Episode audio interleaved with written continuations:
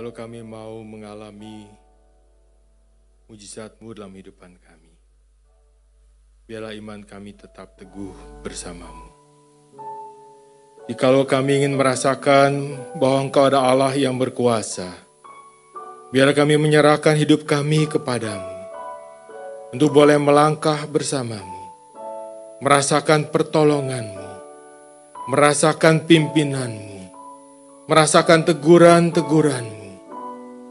Tuhan, kami sadar bahwa Engkau ada Allah yang tidak pernah meninggalkan kami. Engkau Allah yang senantiasa mengingat kami. Manusia yang sederhana, manusia yang penuh dengan kekurangan. Untuk Tuhan kami rindu supaya pada pagi hari ini, Engkau sendiri yang memimpin kami memahami kebenaran firman. Tuhan tolong kami semua bersama membuka hati kami untuk dibentuk oleh firman-Mu. Membuka pikiran kami untuk boleh kami memahami firman-Mu. Dan kami rindu supaya hidup kami boleh menjadi pelaku firman-Mu. Serta hamba-Mu untuk boleh menyampaikannya dengan pertolongan-Mu saja. Dan berkati setiap kami Tuhan, supaya kami boleh bersama belajar daripada Engkau sendiri dalam namamu Tuhan Yesus kami bersyukur, kami berdoa. Amin. Selamat pagi jemaat kasih Tuhan. Selamat pagi baik jemaat yang di tempat ini maupun saudara yang ada di tempat-tempat yang lain bahkan di rumah. Kita bersyukur karena Tuhan baik bagi kita. Kita bersyukur untuk kesempatan di mana kita boleh terus beribadah di tengah segala hal yang kita alami, khususnya berapa waktu terakhir ini. Saudara, mari kita bersama membuka firman Tuhan. Firman Tuhan pada pagi hari ini terambil dari kitab Lukas pasal yang pertama. Lukas pasal yang pertama ayat yang kelima sampai dengan ayat yang ke-25. Saya akan membacakan ayat yang kelima sampai yang ketujuh, kemudian 24 sampai 25. Kemudian kita akan melihat beberapa ayat yang lain pada waktu kita bersama-sama akan merenungkan firman Tuhan ini. Lukas 1 betul. Lukas 1 ayat yang kelima. Ya kita baca 5 sampai 7, kemudian 24 sampai 25. Saya bacakan bagi Bapak Ibu Saudara sekalian. Pada zaman Herodes Raja Yudea, adalah seorang imam yang bernama Sakaria dari rombongan Abia. Istrinya juga berasal dari keturunan Harun, namanya Elizabeth. Keduanya adalah benar di hadapan Tuhan, di hadapan Allah, dan hidup menurut segala perintah dan ketetapan Tuhan dengan tidak bercacat. Tetapi mereka tidak mempunyai anak, sebab Elizabeth mandul dan keduanya telah lanjut umurnya. Ayat 24, beberapa lama kemudian Elizabeth istrinya mengandung dan selama lima bulan ia tidak menampakkan diri katanya. Inilah suatu perbuatan Tuhan bagiku dan sekarang ia berkenan menghapuskan aibku di depan orang. Bapak Ibu Saudara sekalian, di dalam kehidupan kita, saya percaya dan yakin Bapak Ibu pernah mendapatkan kejutan, surprise. Pernah ya? Kalau ulang tahun orang sekarang senangnya adalah surprise party, ya surprise birthday party. Nah, kadang-kadang saudara kita di bawah satu ruangan tiba-tiba di sana sudah berkumpul semua orang yang mengasihi kita. Saudara senang ada kejutan? Senang ya?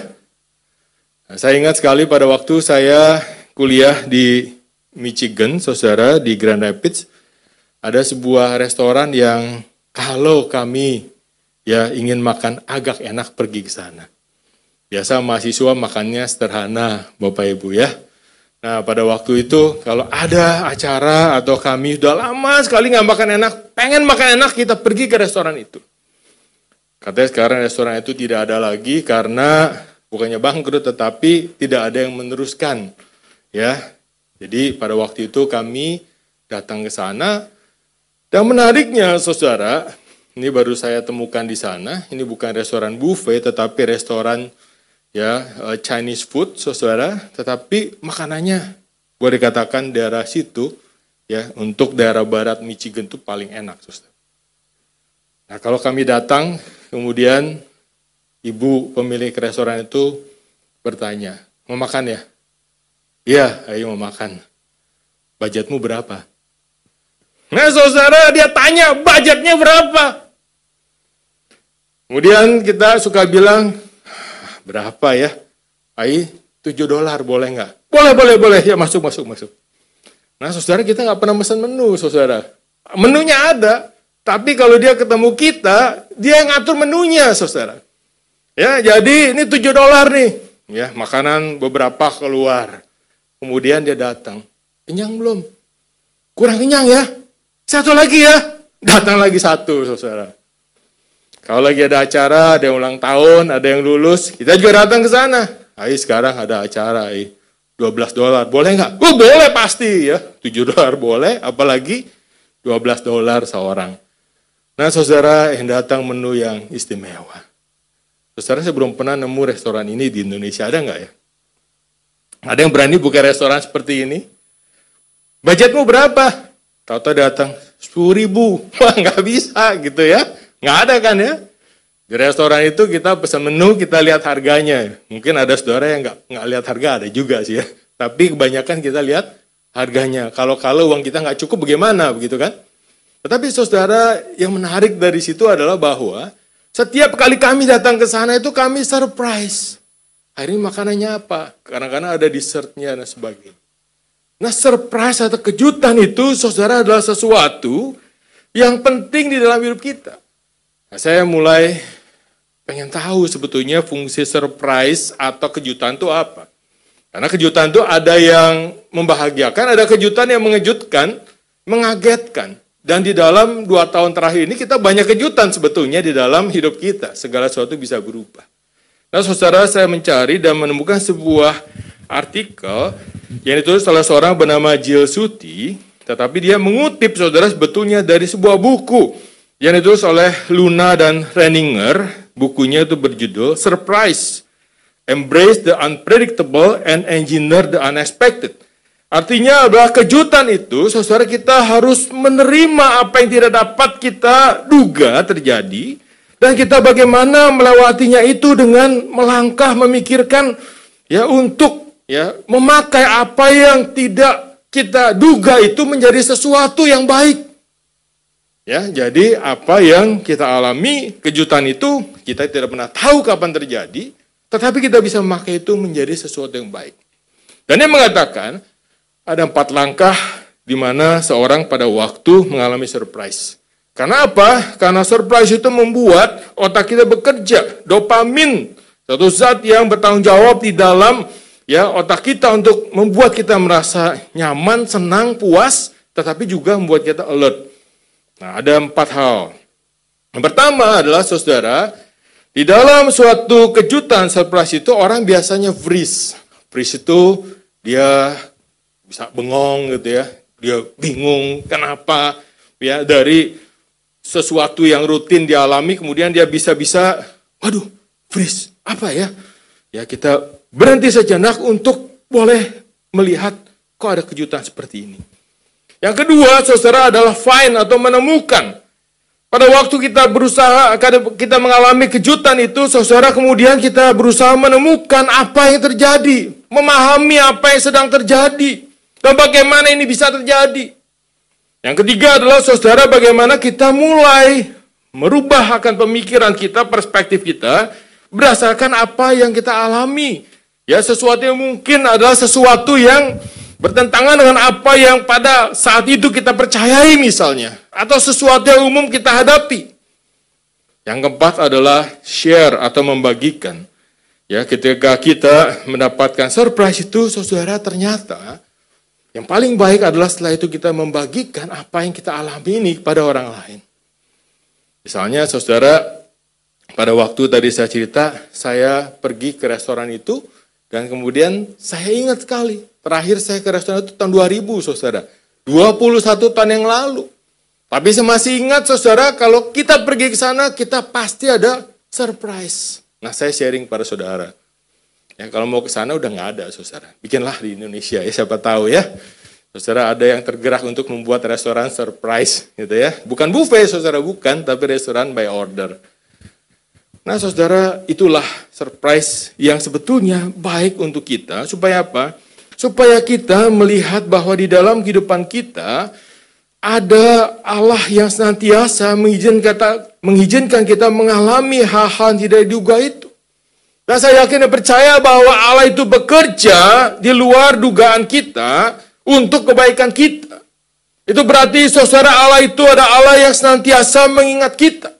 Kejutan adalah sesuatu yang baik untuk mengingatkan kita bahwa Allah itu bersama dengan kita. Kalau kita hidupnya rutin, saudara ya, nggak ada kejutan. Kadang-kadang kita lupa siapa Tuhan itu.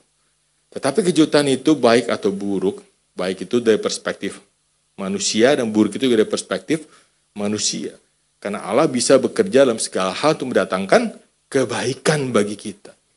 Tetapi kejutan-kejutan itu, saudara, membuat kita ingat bahwa Allah itu mengizinkan itu terjadi dan membuat kita menjadi semakin ya menyadari siapa kita di hadapan Allah. Allah itu mengingat kita dan memberikan kejutan-kejutan. Nah, saudara, dalam hal ini sering kali kita melihat ada dua perspektif. Perspektif yang pertama adalah perspektif daripada Allah sendiri. Yang tahu dari awal sampai akhir apa yang menjadi rencananya dalam kehidupan kita. Tetapi pada waktu manusia mengalaminya, kita melihat perspektif manusia yang terbatas. Dan sering kali ada pergumulan-pergumulan kita yang terus kita hadapi dan kita mungkin belum pernah dapat jawabannya setelah sekian lama kita menghadapi itu. Nah, saudara, untuk itu kita melihat kepada bagian firman Tuhan. Firman Tuhan ini sebetulnya adalah jawaban daripada penantian umat manusia. Saudara, pada waktu pertama kali manusia jatuh di dalam dosa, Allah itu berjanji akan datangnya seorang Mesias ya yang akan ya yang meremukan tumit daripada keturunan manusia itu dan keturunan manusia itu akan menghancurkan kepala daripada ular itu. Ada janji ini terus ada dan Tuhan mengenapinya dengan berbagai kejutan Nabi manusia. Tuhan memanggil Abraham ya dan turunannya kemudian saudara sampai sekian lama saudara seakan-akan Tuhan itu kenapa tidak memberikan janji dan datang Mesias itu. Dan umat Israel selalu berpikir berharap satu waktu akan datang Mesias ini. Dan inilah pengenapannya. Oleh karena itu kita mendapatkan dalam kalender gerejawi ada minggu Advent. Menanti kedatangan daripada Sang Mesias. Jadi sekian lama Tuhan berjanji dan Tuhan mulai mengenapinya. Di dalam mengenapinya Tuhan berkarya di dalam hidup beberapa orang. Nah, salah satu, salah duanya sebetulnya di sini adalah Sakaria dan Elizabeth. Dua orang inilah yang kemudian Tuhan pakai untuk memulai akan pengenapan janjinya. Tuhan pakai Maria, Yusuf dan sebagainya, saudara. Tetapi di sini kita melihat awalnya adalah Ma Sakaria dan Elizabeth. Nah, saudara, Sakaria dan Elizabeth adalah dua orang yang setia kepada Tuhan. Tadi kita baca dalam ayat yang kelima sampai yang ketujuh mereka adalah golongan imam. Ya istrinya keturunan Harun juga Elizabeth Sakaria adalah seorang imam yang dikatakan ayat yang keenam keduanya adalah benar di hadapan Allah dan hidup menurut segala perintah dan ketetapan Tuhan yang tidak bercacat dengan tidak bercacat. Saudara, mereka adalah orang yang setia kepada Tuhan. Tetapi apakah mereka hidupnya mulus, saudara? saya yakin hidup mereka tidak mulus. Karena dalam ayat yang ketujuh dikatakan tetapi. Nah, saudara, orang yang setia kepada Tuhan, tetapi apa? Ada sesuatu, ya. Tetapi itu sesuatu yang berbalikan biasanya. Mereka tidak mempunyai anak sebab Elizabeth mandul dan keduanya telah lanjut umurnya. Ada dua handicap, satu mandul, kedua lanjut usia. Dan pada waktu itu saudara orang yang tidak punya anak itu orang yang kena aib saudara. Karena itu dalam ayat yang 25 dikatakan pada waktu dia mengandung, Inilah suatu perbuatan Tuhan bagiku dan sekarang ia berkenan menghapuskan aibku di depan orang. Dan kalau kita melihat mereka terus berdoa, karena pada waktu malaikat datang kepada Sakaria, dia mengatakan Tuhan mendengar doamu. Saudara berapa lama Sakaria dan Elizabeth berdoa?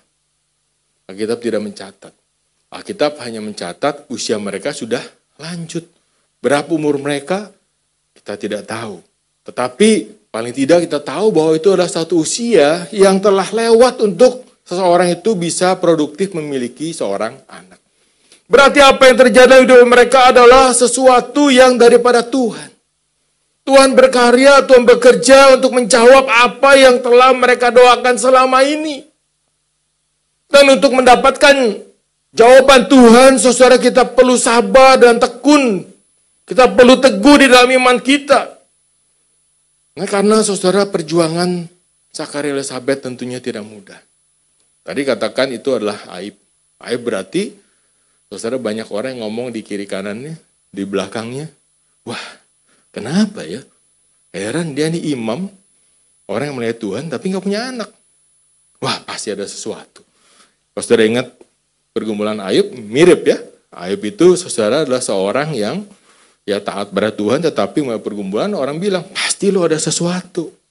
Heran kalau nggak ada sesuatu kok Tuhan nggak kasih. Nah saudara, kalau saya boleh berpikir, berimajinasi, tantangan hidup mereka di tengah-tengah masyarakat pada waktu itu karena tidak punya anak itu adalah sesuatu yang tidak mudah. Tetapi Alkitab mengatakan mereka tetap setia kepada Tuhan. Tidak mudah tetapi mereka tetap menjalaninya. Saudara, pada waktu yang lalu saya bertemu dengan seorang anak muda, saudara. Cerita saudara tentang pengalaman hidup. Nah, saya senang sekali kalau cerita tentang pengalaman hidup. Anak muda itu mengatakan, Pak, saya bangkrut tuh delapan kali. Bayangin saudara bangkrut delapan kali. Memang ada yang karena kesalahan perhitungan, orang baru bisnis, dia belajar, belum menemukan apa yang dikerjakannya, dia bangkrut delapan kali. Ada juga pada waktu mendapat order yang banyak, saudara, kemudian tiba-tiba ruangan tempat mesin mengerjakan produk itu, saudara tiba-tiba kebakar. Karena kesalahan daripada karyawan dia yang mengerjakan itu. Bangkrut lagi, bangun lagi. Setiap kali bangkrut bangun dan dia terus mau belajar. Akhirnya saudara dia mendapatkan sampai saat ini Tuhan memakai dia untuk boleh berhasil di dalam apa yang dikerjakan. Berapa kali bangkrut saudara? Delapan kali. Tidak mudah. Itu perlu perjuangan bagi seorang anak muda yang mentalnya kalau kita boleh lihat mental anak muda itu dengan orang yang sudah ya berumur itu tentunya anak muda itu lebih mudah eh salah saya ngomong ya nggak anak muda itu lebih tidak putus asa gitu ya orang tua yang lebih nggak juga sebetulnya ya artinya saudara setiap kita memang pasti ada pengalaman hidup tetapi kalau saya bangkrut 8 kali saudara mungkin saya juga pikir kayaknya ini bukan bidang saya nih ya pindah aja saya nggak bisa usaha gitu ya tetapi saudara dia tetap tekun dan akhirnya dia berhasil. Untuk menantikan jawaban Tuhan, saudara kita perlu sabar dan teguh. Dan kita tidak boleh kehilangan iman kita kepada Tuhan. Sakaria Elizabeth adalah teladan di mana kita bisa melihat bahwa mereka tetap tidak ya kecewa, tidak tidak setia kepada Tuhan. Mereka tetap setia kepada Tuhan di tengah apa yang mereka alami. Hal yang kedua, saudara adalah bahwa kita harus tahu bahwa pada waktu Allah mengingat umatnya, mengingat kita, kita harus bersedia menjadi ya bagian daripada rencananya. Karena kita percaya bahwa Allah itu bekerja dalam kejutan-kejutan hidup kita. Kalau kita membaca saudara mulai yang ke-8 pada waktu itu Sakaria mendapatkan giliran untuk membakar rukupan di ruang kudus. Saudara ini adalah sesuatu yang mungkin kesempatan sumur hidup dia satu kali. Dan itu dari undian sudah dia mendapatkannya. Menurut catatan saudara ada kurang lebih 18 ribu imam yang melayani pada waktu itu di bait Allah. Artinya saudara imam itu selalu mengharapkan mendapatkan giliran. Setiap hari hanya dua, pagi dan sore membakar ukupan di dalam ruang kudus daripada bait Allah. Nah pada waktu itu saudara Sakaria mendapatkan kesempatan sekali seumur hidup. Nah pada waktu dia mendapat kesempatan itu saudara terjadi sesuatu yang luar biasa. Ada kejutan yang besar bagi dia. Malaikat Tuhan datang kepadanya. Ayat 11 maka tampaklah kepada Sakaria seorang malaikat Tuhan berdiri di sebelah kanan mesbah pembakaran ukupan. Melihat itu ia terkejut dan menjadi takut. Kaget sekali dia bahwa ada malaikat Tuhan di dalam sana. Mungkin imam-imam sebelumnya nggak pernah mengalami ini, nggak pernah cerita gitu ya. Nggak pernah ada yang mau warning Sakaria nanti Sakaria kalau kamu masuk ke ruang kudus nanti kamu ketemu malaikat nyapa baik-baik shalom gitu ya. Nggak ada saudara kasih tahu dia. Nggak ada yang kemudian kasih dia nanti pada waktu ketemu malaikat di dalam ruang ruang kudus. Maksud saya pada waktu itulah kemudian kamu boleh bersikap seperti A, B, C. Nggak ada textbooknya saudara. Ini sesuatu yang kejutan. Tidak pernah dialami oleh yang lain. Zakaria bertemu dengan malaikat. Tapi yang menarik adalah dialog antara malaikat dengan Zakaria. Kalau kita perhatikan mulai daripada ayatnya yang ke-13 dikatakan di situ. Tapi malaikat itu berkata kepadanya, "Jangan takut, hai Zakaria, sebab doamu telah dikabulkan." Nah, Elizabeth istrimu akan melahirkan seorang anak laki-laki bagimu dan haruslah engkau menamai dia Yohanes. Sekian tahun berdoa, saudara, ya. Akhirnya Tuhan mengatakan kamu akan mendapatkan anak. Usianya tadi sudah lanjut. Tidak lagi memiliki kapabilitas sebagai manusia untuk memperoleh seorang keturunan. Jadi saudara pada waktu itu kemudian malaikat lebih jelas lagi mengatakan anak ini menjadi seorang anak yang luar biasa. Kau akan bersuka cita dan bergembira, bahkan banyak orang akan bersuka cita atas kelahirannya. Bukan cuma kamu yang berbahagia, tetapi orang lain juga akan berbahagia. Artinya saudara bahwa Sakaria dan Elizabeth memiliki seorang anak yang luar biasa yang tidak seperti anak-anak yang lain.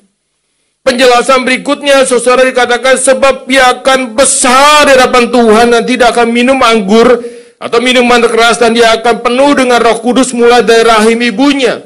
Ia akan membuat banyak orang Israel berbalik kepada Tuhan Allah mereka dan akan berjalan mendahului Tuhan dalam roh dan kuasa Elia untuk membuat bah hati bapak-bapak berbalik kepada anak-anaknya dan hati orang durhaka kepada pikiran orang-orang benar dan dengan demikian menyiapkan bagi Tuhan suatu umat yang layak baginya.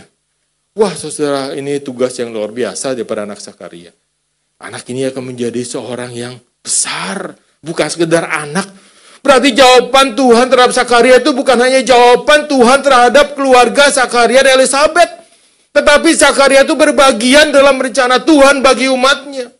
Tadi telah sekian lama Tuhan berjanji dan pada waktu inilah kemudian Tuhan mengatakan aku akan mengenapi janjiku kepada umatku. Dan dia akan mempersiapkan jalan bagi sang Mesias juru selamat itu. Saudara, rencana Tuhan di dalam kehidupan Saken Elizabeth adalah bagian daripada rencana besarnya terhadap umat manusia. Manusia yang terbatas dipakai oleh Tuhan. Dan menjadi bagian daripada rencana Tuhan yang besar. Bukankah ini sesuatu yang indah. Tapi saudara Zakaria apakah langsung, yes Lord, wow, wow, hebat. Wow, benar Tuhan ya. Pasti ini adalah sesuatu yang luar biasa.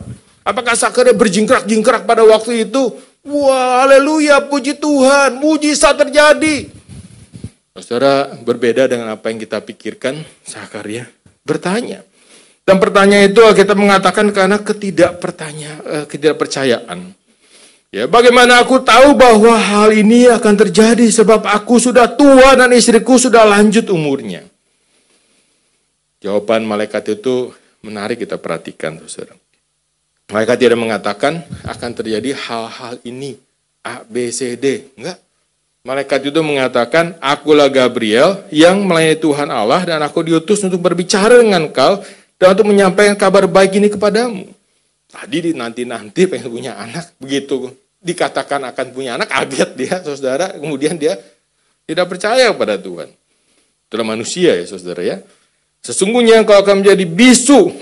tambah kaget lagi saudara ya. Bukan diceritakan bahwa anak ini lahir, tapi karena kamu tidak percaya, kamu akan menjadi bisu karena tidak percaya. Karena perkataanku akan nyata kebenaran pada waktunya. Wah saudara, Sakaria mendapatkan kejutan demi kejutan. Ketemu Tuhan aja, eh, ketemu malaikat Tuhan aja adalah sesuatu yang kejutan bagi dia.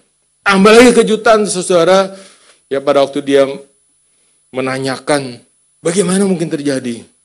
Dijawab dengan otoritas, akulah malaikat yang mengabarkan ini kepadamu. Dan kemudian saudara dikatakan bahwa dia akan menjadi bisu. Saya membayangkan kehidupan Sakaria, saudara, beberapa waktu itu seperti roller coaster. Perasaannya dopaminnya nggak tahu tuh naik turun kali saudara. Tiba-tiba senang, tiba-tiba takut, tiba-tiba ragu, eh tahu-tahu nggak bisa ngomong. Saudara. Tetapi inilah saudara bagaimana Tuhan berkarya dalam kehidupan seseorang. Yang Tuhan harapkan adalah sebetulnya hati yang mau menerima bahwa apa pun yang Tuhan berikan kepada kita sebagai bagian dari perencananya, itulah yang sebetulnya terbaik bagi kehidupan kita. Sekali lagi saudara ya, bahwa kita harus belajar untuk menerima. Bahwa di dalam rencananya apa pun yang terjadi dalam kehidupan kita, apa pun yang terjadi saudara itu bisa sesuatu yang kita rasa dalam perspektif manusia itu baik, tetapi juga bisa dalam perspektif manusia itu mengecewakan, membuat kita merasa takut, apa pun itu yang terjadi, sebetulnya kalau kita menerimanya dan mengatakan ya Tuhan, kita bisa menjadi bagian daripada alat dalam rencana. Untuk ini saudara tantangannya tidak mudah karena sering kali ada kejutan. Nah, saudara, berapa waktu ini saya merenungkan akan hidup saya. Saya kurang lebih 4-5 tahun lalu banyak mengalami kejutan demi kejutan dalam hidup saya. Nah, pada saya mengalami kejutan itu, saya bergumul bersama dengan Tuhan. Perkataan atau doa saya kepada Tuhan adalah, Tuhan, mesti ngapain ini? Saya harus menerima, tetapi juga setelah ini saya harus melakukan apa? Nah, Tuhan bekerja dalam hati saya dan menyarankan saya bahwa kamu harus meninggalkan zona nyaman kamu. Nah, saudara saya melayani di STT saat tahun 2020 pada saya mengakhirinya, saudara saya melayani 25 tahun. Buat saya itu adalah tempat yang sangat nyaman, itu alma mater saya, dan saya melayani, dan saya merasa itulah tempat di mana Tuhan tempatkan saya sampai saya mengalami kejutan dan kejutan Tuhan. Ya itu benar-benar adalah sebuah zona yang nyaman. Terakhir saya percayakan memimpin, itu juga sesuatu yang Tuhan berikan dalam diri saya ada banyak hal yang saya ingin kerjakan melalui sekolah ini.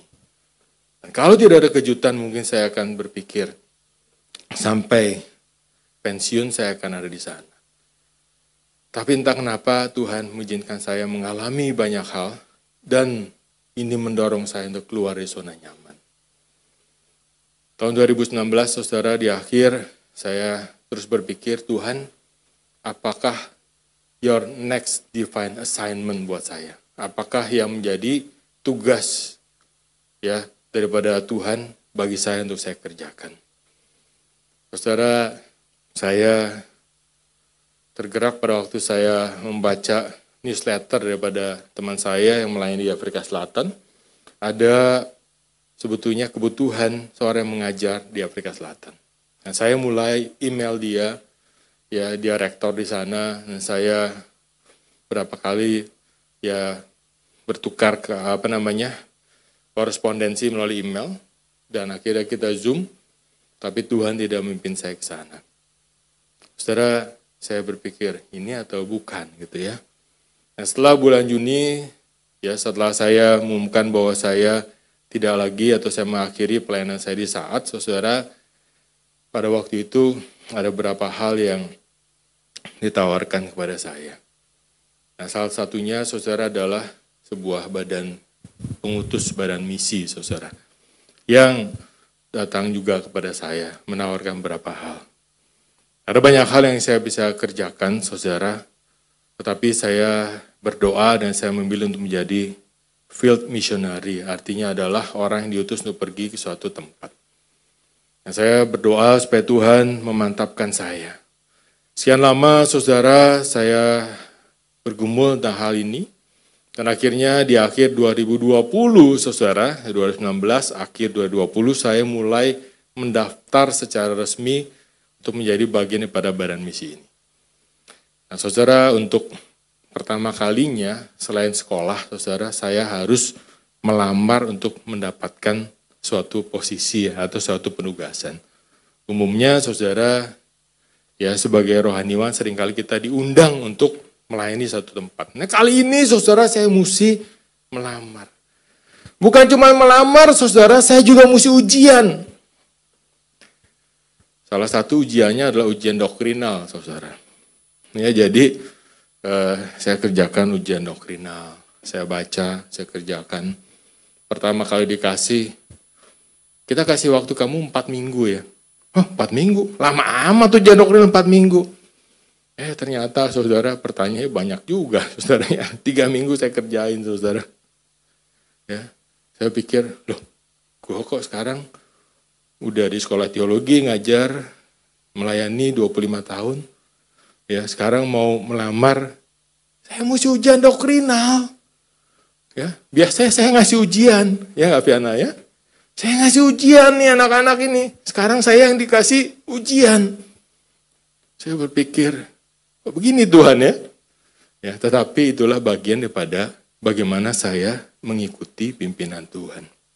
Saya kerjakan ujian orientasi. Ya, setelah 9 bulan saya diterima saya mulai mendapat kesempatan untuk melihat campur tangan Tuhan. Banyak hal yang memberkati saya di dalam masa orientasi. Saya kenal dengan beberapa orang yang ternyata saudara untuk mengikut pimpinan Tuhan itu tidak mudah. Saya belajar, saudara. Salah satunya adalah seorang ibu yang main di daerah di mana peran wanita itu, saudara, itu tidak sepenting peran laki-laki. Saudara tahu, ya pria itu lebih diutamakan daripada wanita. Dan dia pergi ke daerah itu, saudara, dari negaranya, suami istri dengan anak. Di tengah dia melayani di sana, saudara mulai membangun apa yang Tuhan percayakan pada dia, suaminya meninggal. Ibu ini bergumul, pulang atau terus? Bayangin saudara, itu daerah di mana harus ada laki-laki yang memimpin. Sekarang tinggal dia perempuan, sama anaknya perempuan. Saya puji Tuhan, saudara dia bertahan. Dia bersaksi bagaimana dia harus dealing dengan orang-orang laki untuk terus boleh meneruskan pekerjaan ini. Dan Tuhan memimpin dia. Ya, bahkan saudara dia mendapat penghargaan daripada pemerintah setempat karena apa yang dikerjakan dia. Saudara saya belajar, ada ketekunan di sana. Mengikut Tuhan itu tidak mudah. Kejutan itu kadang-kadang membuat kita berpikir, ini bukan ya. Terus atau tidak. Ya pada waktu hati kita didorong ke Tuhan terus, kita mulai nah harus maju. Nah, saudara singkat cerita saya akan melayani di sebuah negara di Afrika Timur. Dan indahnya saudara adalah bahwa beberapa waktu yang lalu saya komunikasi dengan seorang ya dari negara Kenya, saudara, dari Kenya yang melayani di Timur Timur. Wah, menarik juga ya.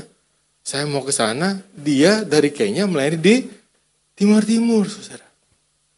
Ya, baru kami komunikasi, kemudian saya mengatakan, nah, saya akan mengajar di sekolah ini.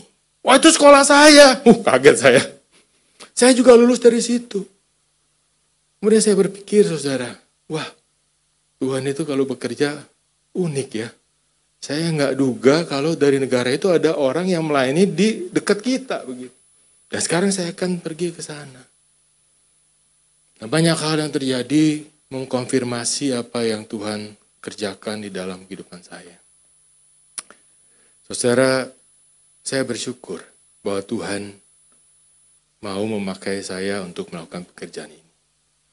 Tetapi Apakah berarti saudara saya lebih baik dari saudara? Tidak, saudara, tidak. Karena setiap orang Tuhan panggil dengan unik. Tidak semua orang saudara terpanggil untuk melakukan ya pekerjaan ya lintas budaya. Ada orang yang melayani di Indonesia. Ada orang yang melayani sebagai rohaniwan di gereja, sebagai pendeta, sebagai guru Injil, pengajar di sekolah teologi, di mana pun mereka berada. Tuhan pakai mereka. Ada orang yang Tuhan pakai melayani di marketplace. Saudara, setiap saudara sebetulnya adalah hamba Tuhan. Kalau bukan hamba Tuhan, saudara hamba siapa? Saudara mungkin bekerja sebagai seorang karyawan, saudara mungkin bisnismen, saudara mungkin guru, saudara mungkin dokter, saudara mungkin ada orang yang mengerjakan tugas-tugas, ya seorang akuntan, seorang apa pun. Saudara kalau saudara bukan hamba Tuhan, saudara hamba siapa saudara? Semua hamba Tuhan kan? Hanya tugas panggilannya berbeda saudara. Nah beberapa waktu ini saya merenungkan bahwa sebetulnya tugas seorang yang melayani di marketplace itu adalah suatu tugas yang tidak mudah. Mempertahankan iman di tengah-tengah pekerjaan itu adalah suatu ujian yang luar biasa. Oleh karena itu, saudara, saya yakin dan percaya bahwa setiap kita Tuhan panggil untuk mengerjakan tugas bagian. Berapa banyak kejutan yang saudara alami di dalam pekerjaan saudara? Berapa banyak kegagalan yang kita pernah alami? Berapa banyak kesulitan yang pernah kita alami, kejutan dan kejutan. Berapa banyak kejutan indah yang Tuhan juga berikan kepada kita. Saudara, setiap kita Tuhan punya rencana. Yang terpenting adalah bagaimana kita mengerjakan bagian kita di hadapan Tuhan. Bagaimana caranya? Sederhana, saudara. Kata kepada Tuhan, Tuhan, pakailah saya. Ini aku, apa yang aku miliki. Kalau engkau mau pakai, biarlah aku menjadi bagian pada rencanamu. Saudara, melalui hidup kita, Tuhan bisa bekerja. Kita adalah bagian rencana Tuhan. Saudara tidak pernah tahu siapa yang saudara temui dalam pekerjaan saudara. Saudara tidak pernah tahu berkat yang saudara bisa bagikan kepada orang yang saudara layani. Tetapi yang kita tahu pasti, dimulai daripada hati kita. Saudara, Tuhan itu berkarya melalui saudara dan saya bekerja melalui saudara dan saya. Setiap kita Tuhan panggil. Tidak ada seorang pun yang bisa berkarya sendiri bagi Tuhan. Kita berkarya bersama bagi Tuhan di dalam perspektif kerajaan Allah. Kita mengerjakan tugas kita dan Tuhan akan memimpin dan menolong kita. Saudara, janji Tuhan digenapi di dalam kehidupan Yohanes Pembaptis. Janji Tuhan yang utama digenapi dengan kelahiran Tuhan Yesus. Penantian itu panjang, tetapi kebahagiaan bersama Tuhan lebih panjang lagi. Satu waktu kita akan bersama dengan Tuhan, dan kita akan melihat Tuhan, terima kasih. Ternyata kejutan-kejutan yang kau berikan dalam hidup saya, membuat saya semakin boleh mengasihimu. Maukah kita saudara dipakai oleh Tuhan? Apa pun tugas kita yang terpercayakan, tidak pernah salah.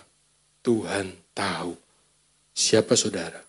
Tuhan tahu siapa kita.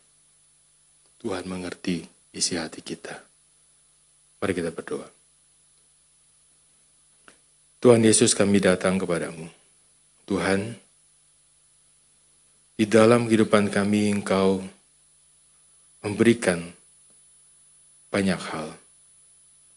Kejutan-kejutan Tuhan kau memberikan pada kami hati yang mau senantiasa berharap kepadamu. Di dalam perjalanan hidup kami mungkin kami pernah kecewa kepadamu. Kami sering kali mengeluh kepadamu, mengapa hidup ini seperti ini. Tetapi kami bersyukur karena Engkau ada Allah yang senantiasa mengingat kami. Tidak pernah Engkau meninggalkan kami. Satu langkah demi satu langkah engkau menunjukkan bahwa engkau adalah Allah kami. Dan kami adalah anak-anakmu, umatmu. Oleh karena itu Tuhan, siapkanlah hati kami. Bersiap untuk menerima jawaban Tuhan atas permohonan kami. Dan terlebih lagi bersiap untuk menerima. Kalau kami harus menghidupi akan jawabanmu dalam hidup kami. Terima kasih Tuhan. Biarlah kasih anugerah Tuhan senantiasa bersama dengan kami. Di dalam nama Tuhan Yesus, kami bersyukur. Berterima kasih atas cinta kasih Tuhan. Amin.